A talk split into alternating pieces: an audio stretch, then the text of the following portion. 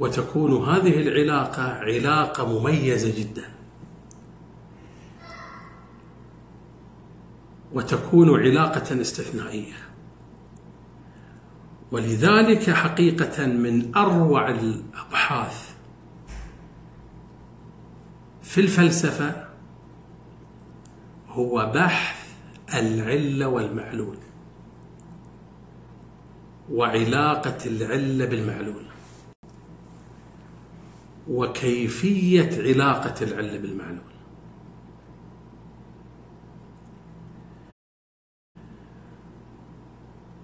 لأنه حقيقة ما بين الممكن والواجب والمعلول وعلته علاقة وجودية. وهذه العلاقة تبين لنا وتشرح لنا طبيعة العلاقة مع الله سبحانه وتعالى. العلاقة مع الله سبحانه وتعالى. ولذلك هذه العلاقة ليست علاقة اعتبارية ليست كعلاقة البناء والمهندس مع البيت. وليست كعلاقتك أنت وصنعك للأشياء وفعلك للأشياء وتحقيقك للأشياء.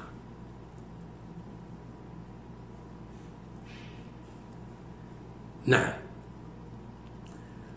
وهذه العلاقة ستشرح لنا كثير من الأمور. كثير من الأمور ونفهم كثير من الأمور. طبيعة هالعلاقة التي يأخذها الإنسان بطريقة غير عميقة ولذلك تكون علاقته غير عميقة.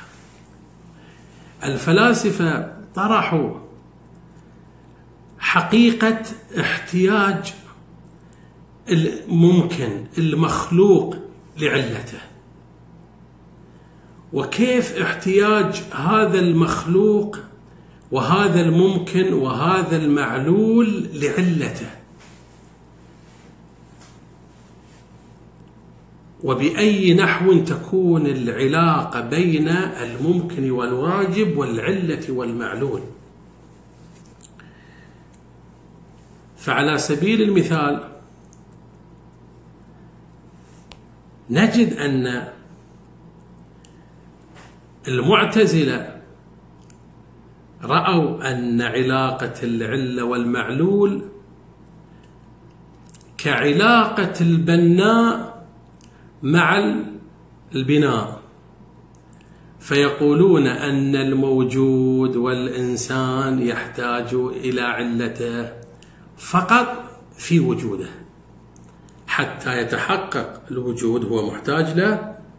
فإذا ما تحقق الوجود لا يحتاج له.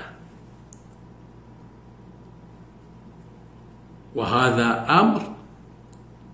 ولذلك حتى هذا البحث مرتبط بالإرادة والاختيار.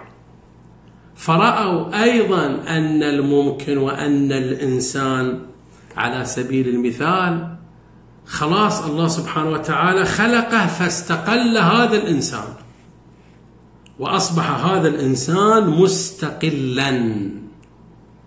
أصبح الإنسان مستقلا فيفعل أفعاله باختياره مطلقا وهكذا.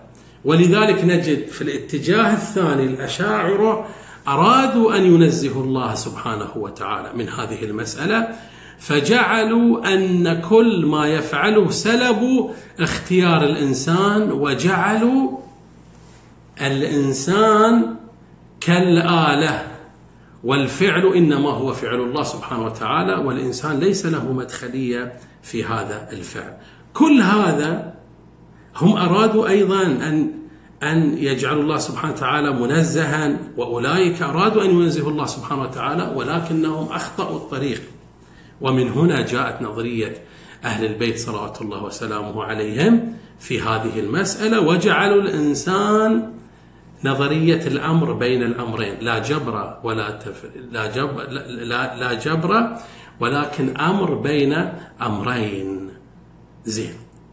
كيف هذه العلاقة؟ إذا العلاقة الوجودية بين الإنسان وبين الله سبحانه وتعالى علاقة وجودية حقيقية. فنحن في وجودنا أساس وجودنا متحقق بوجود الله سبحانه وتعالى. ولو غفل عنا طرفة عين لتلاشينا من هذا الوجود. ولما أصبح لنا وجودا أصلا. لا كما قال المعتزلة أننا بحاجة فقط للوجود وإذا ما أوجدنا الله سبحانه وتعالى انقضت الحاجة الحاجة له سبحانه وتعالى. وأريد أقرب لك كيف هالعلاقة الدقيقة اللطيفة العميقة بين العلة وبين المعلول بين الله وبين مخلوقاته. أنت الآن لو أغمضت عينيك وتصورت شخص معين زين؟ وتصورت شخصا معين أنت الآن أقول لك أنشئ شخص أخلق شخص في ذهنك وخلقت شخص في ذهنك. خليه يمشي خليه يجلس خليه يقوم خليه يروح خليه يجي.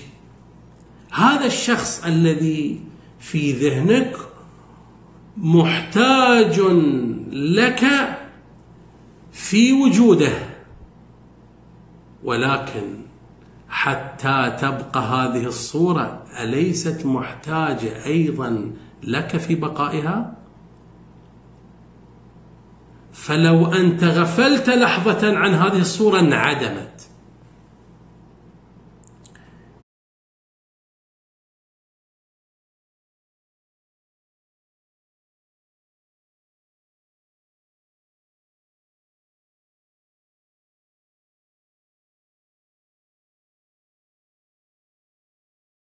فبينك وبين الله سبحانه وتعالى حقيقة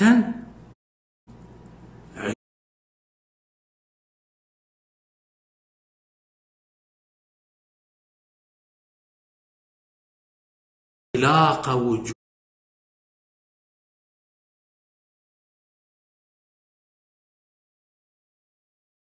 وجودية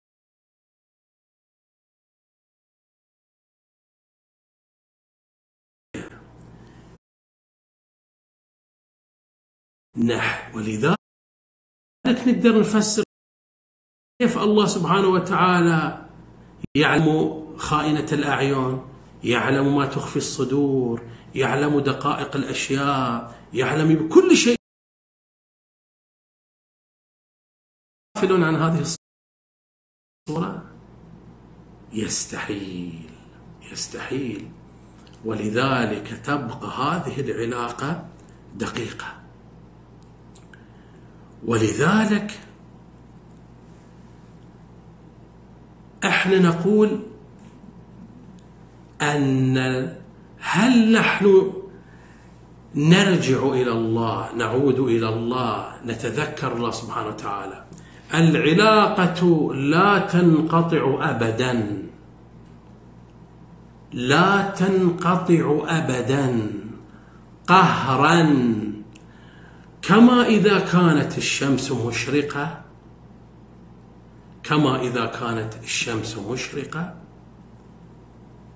وكان هناك أعمى أو كان هناك من على عينه غشاوة. هل يؤثر في في وجود الشمس في تأثير الشمس عليه؟ حتى لو أنكر أو اشتبه أو غفل فهذه العلاقة موجودة وتأثير الشمس عليه تأثير وجودي حقيقي لا تأثير اعتباري. ليس الأمر اعتباري كاسمك مثلا. أنت اسمك الآن محمد نستطيع نغير اسمك إلى علي إلى حسين لأن هذا أمر ليس حقيقي أمر اعتباري. أنت اليوم حاكم ممكن يزال حكمك ممكن يغيروا يغيروك ويضعوا حاكم آخر لأن هذا أمر اعتباري هذا ليس أمرا حقيقيا. إذا العلاقة بيننا وبين الله سبحانه وتعالى علاقة وجودية حقيقية موجودة متحققة. ولكن هناك من يستحضر هذه العلاقة أبدا. وفي كل لحظة وفي كل زمان وفي كل مكان. وهناك من يستحضر هذه العلاقة في حالات وفي آناء وفي ظروف. وهناك من يغفل عن هذه العلاقة مع وجودها وتحققها وقوتها بل هي أساس وجود هذا الإنسان ومع ذلك يغفل عنها. ولربما يتمادى وينكر تلك تلك العلاقة. وذلك المستوى. كما إذا قلنا أن هناك مثلا من لا يرى وينكر وجود الشمس أصلا مو غافل عنها. الغافل عنها ممكن هناك من يشاهد ومن يرى ولكنه يغفل عن وجود الشمس. هذه مراتب متعددة بين كل شخص وآخر ومرتبة ومقام. ولذلك من هذه النقطة نفهم حقيقة سلوك الإنسان إلى الله سبحانه وتعالى. فهناك من انكشفت له هذه العلاقة الوجودية حقيقة. هذه ليست كمن فقط مجرد انكشاف أنه يرى علاقة لا لها آثارها. إذا كان هذا الشخص يرى العلاقه الوجوديه بينه وبين الله معنى ذلك أن هذا وصل إلى مقام وإلى مرتبة تترشح عنه فيوضات إلهية وآثار إلهية. هذا إذا كان مستحضر إذا كان هذا المستحضر لهذه العلقة الكبيرة. وهذا الفرق بين الإنسان العارف وبين الإنسان الكامل وبين الإنسان الأقل كمال وبين الإنسان الغافل. وهكذا. ولذلك هذه العلاقة الوجودية بين الإنسان وبين الله سبحانه وتعالى التي يستحيل أن تنقطع. قد يغفل الإنسان بل قد يتمادى وينكر هذه العلاقة بل ينكر حتى وجود من منه الفيض هذه الموجودات ومن هو خالق لهذه الموجودات. بل ينكر ولذلك من جاء يسأل الإمام الصادق صلوات الله وسلامه عليه عن وجود الله كان هذا نوتي؟ يعني هذا بحار باصطلاحنا هذه هذه الأيام. كان يسأل الإمام الصادق عن الله سبحانه وتعالى وفي ناس تستدل بأدلة عقلية وبأدلة عميقة جدا. ولكن هناك أيضا أدلة يدركها كل إنسان. فقال له الإمام الصادق صلوات الله وسلامه عليه قال له أركبت البحر؟ قال نعم. قال لاحظ أنه ينكر هو وجود الله سبحانه وتعالى. قال له انكسرت بك السفينة قال نعم. قال تعلق قلبك بمنقذ بموجود بمنقذ إذ لا منقذ. قال نعم. قال له ذلك هو الله سبحانه وتعالى. ولذلك هذه العلاقة أيضا الوجودية بين الناس بين الموجودات بين الإنسان وبين الله سبحانه وتعالى هذه المراتب من المراتب الضعيفة التي ينكر فيها وجود خالقه ووجود ربه إلى من تتجلى له تلك العلاقة إلى من يرى تلك العلاقة في كل وقت وفي كل آن ولا تغيب عنه أبدا. وهذا هو الإنسان الكامل. وهناك من هو أقل من ذلك. تتجلى له هذه العلاقة حسب حالاته وحسب توجهاته. وحسب سيره. ولذلك نجد أن حتى العلاقه بيننا وبين الله في السلوك.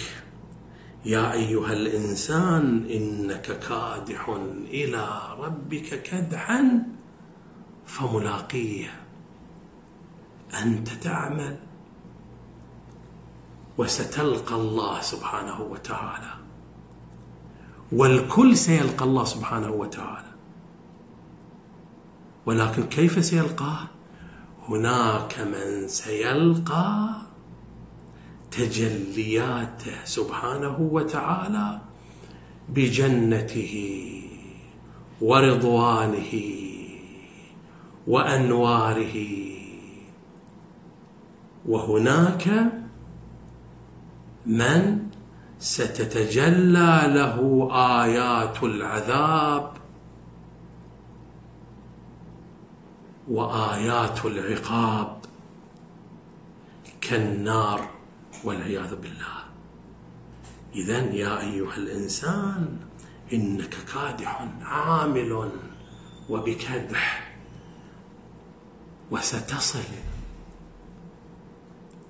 ولكن هناك من يكون صعوده وصوله كدحه إلى أعلى درجات وهناك من يكون اتجاهه عكسيا سلبيا اسفليا دركيا. وهذا سيلقى من آيات ربه الشديدة التي هي النار التي تتغير وتزفر وفيها ما فيها من أهوال. اذا علاقتنا علاقة وجودية حقيقية بيننا وبين الله سبحانه وتعالى. ولذلك كما قلت هذه العلاقة الوجودية الحقيقية تجد أن أهل الذكر أهل السلوك أهل العرفان.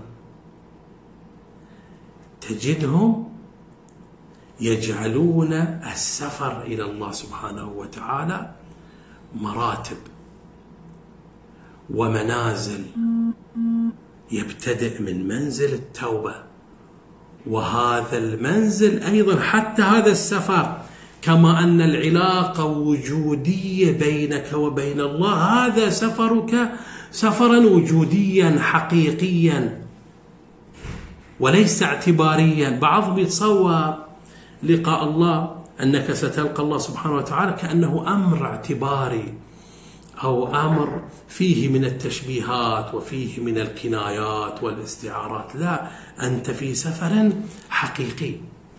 بالضبط. كمن إذا تسا كمن يسافر الآن تنطلق من المنطقة الشرقية تنطلق إلى المدينة المنورة إلى الكعبة المشرفة. فأنت في سفر حقيقي أو سفر اعتباري أنت عندما تقطع هذا الطريق مثلا من الأحساء وتمر على الرياض وتمر على القصيم وهكذا متجه إلى مكة فأنت في سفر حقيقي. وفي كل منزل من المنازل له آثاره وله تجلياته. فإحنا الآن في هذا السفر إلى الله سبحانه وتعالى في بعضهم لم يغادر المنزل الأول وبعضهم لم يغادر المنزل الثاني وهكذا والثالث وهكذا إلى ما لا نهايه إليه سبحانه وتعالى. ولذلك نحن نحتاج إلى أن نصقل قلوبنا وأرواحنا حتى تتجلى لنا تلك الحقائق وتتجلى لنا هذه العلاقة الحقيقية.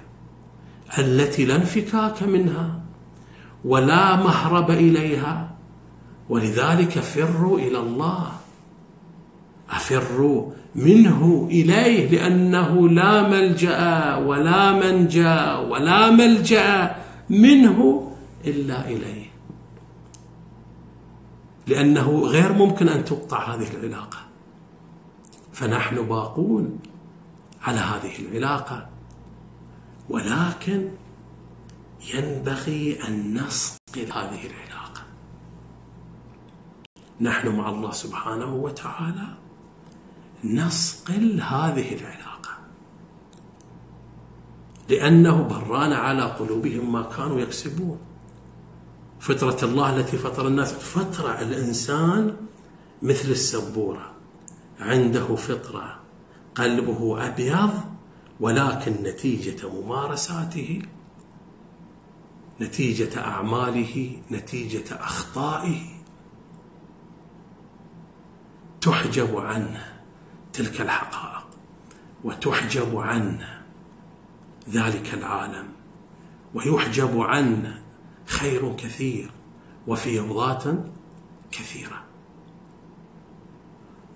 وليست المسألة أن يتصور البعض أننا نبتعد عن الله سبحانه وتعالى بمعنى انه تصير عندنا غشاوة. هذا ناتج من أي شيء؟ ناتج من الذنوب وناتج من التقصير. لكن ما نقصد إحنا ترى الذنوب؟ إحنا مجتمع ولله الحمد كثير متدين. في ناس ما يلتفت يتصور أن الذنوب عندما نتكلم عن الذنوب مسألة السرقة مسألة عدم الصلاة عدم الصيام ارتكاب محرمات عظيمة جليلة. الحمد لله الكثير لا يرتكب ذلك. ولكن إحنا مشكلتنا بالعكس في المخالطة مع الناس. عدم القيام بحقوق المخالطين والمخالطين لنا. هذه المشكلة الكبيرة. كلنا نصلي ولله الحمد وكلنا نصوم وكلنا نزكي وكلنا نحج وكلنا نعتمر. ولكن بالدرجة الأولى أنا في تصوري إذا أردنا أن نصل إلى الله سبحانه وتعالى إذا أردنا أن تتجلى لنا هذه العلاقة إنما بعثت لأتمم مكارم الأخلاق. ونفس الكلام نرجع إحنا نتصور شنو الأخلاق التي نرتكب ينبغي أن نتقيد بها؟ نحن نرتكب من الذنوب والآثام بشكل مستمر ويومي ولكن في غفلة من ذلك. في غفلة من ذلك. ليش؟ أكثر ما نبتلى به في التعامل مع أقرب المقربين. الزوجة مع زوجها والزوج مع زوجته الأب مع أبنائه والأم مع أبنائها وهكذا. بالدرجة الأولى أن يتجاوز الإنسان هذه العقبة الكؤود. الآن كثير من الناس كثير من الناس يقول لا في عمرك تركت الصلاة؟ مرة يقول لك لا. فطرت يوم متعمد كثير من الناس يقول لك لا. وحج الواجب وأعتمر وكل سنة عمرة وزيارات وما أشبه. ولكن ربما هذا الشخص إذا سألته عن علاقته مع زوجته أو علاقتها مع زوجها لوجدت أن في كل يوم يذنبون ذنوب إذا إذا ذنب واحد هذا خير ذنوب في كل يوم. عندما ترفع صوتك في مكان في على زوجتك في وقت غير مناسب أو هي ترفع صوتها عندما تؤذيها أو عندما تؤذيه. الكلمة تؤذي والتعامل يؤذي وهكذا. أول ومع الآخرين طبعا نحن نقول أقصد أنا اللي بشكل كثير أنت عادة ما تخالط كل الناس في كل يوم. وهكذا. إذا أردنا أن نستجلي هذه العلاقة الوجودية الحقيقية التي بيننا وبين الله سبحانه وتعالى. أول عقبة كؤود هذه نتجاوزها مسألة الأخلاق. ربما نشتبه. هذا ليس بذنب إذا اشتبهت أنا بشيء ولم أتصور أن هذا خطأ. فمارسته وفعلته هذا بعد مع ذلك لو التفت إليه إليه لاحقا أستغفر الله سبحانه وتعالى من هذا الأمر. ولكن عندما أعلم هذا أقبح وأعظم وأكبر عندما أعلم بأن هذا خطأ بأن هذا ذنب وأصر عليه.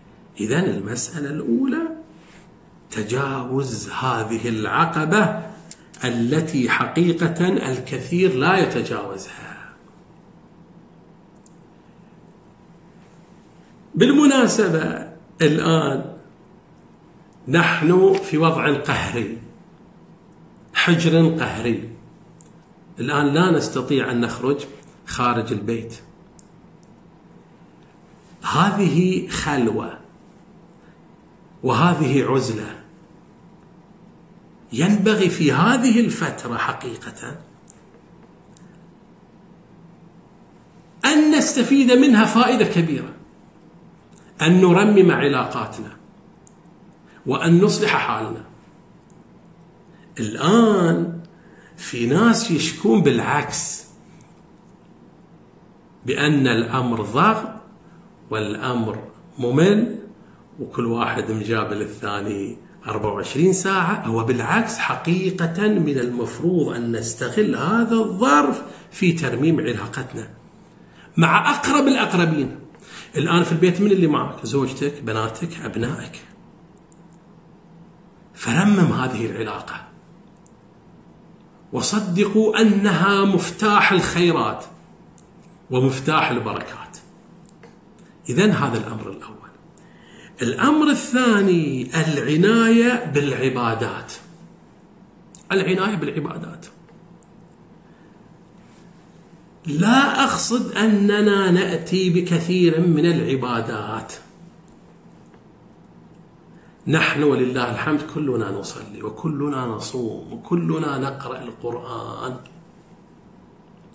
ولكن مع كثرة هذه العبادات ومع كثرة هذه التلاوة والقراءات تجد تأثير حقيقة, حقيقة بسيط. السبب في ذلك؟ نقطة واحدة. عدم التفكر في هذه العبادات وعدم التأمل في هذه العبادات. يعني أنا أدعو بجد فرصة الله سبحانه وتعالى دائما الابتلاءات.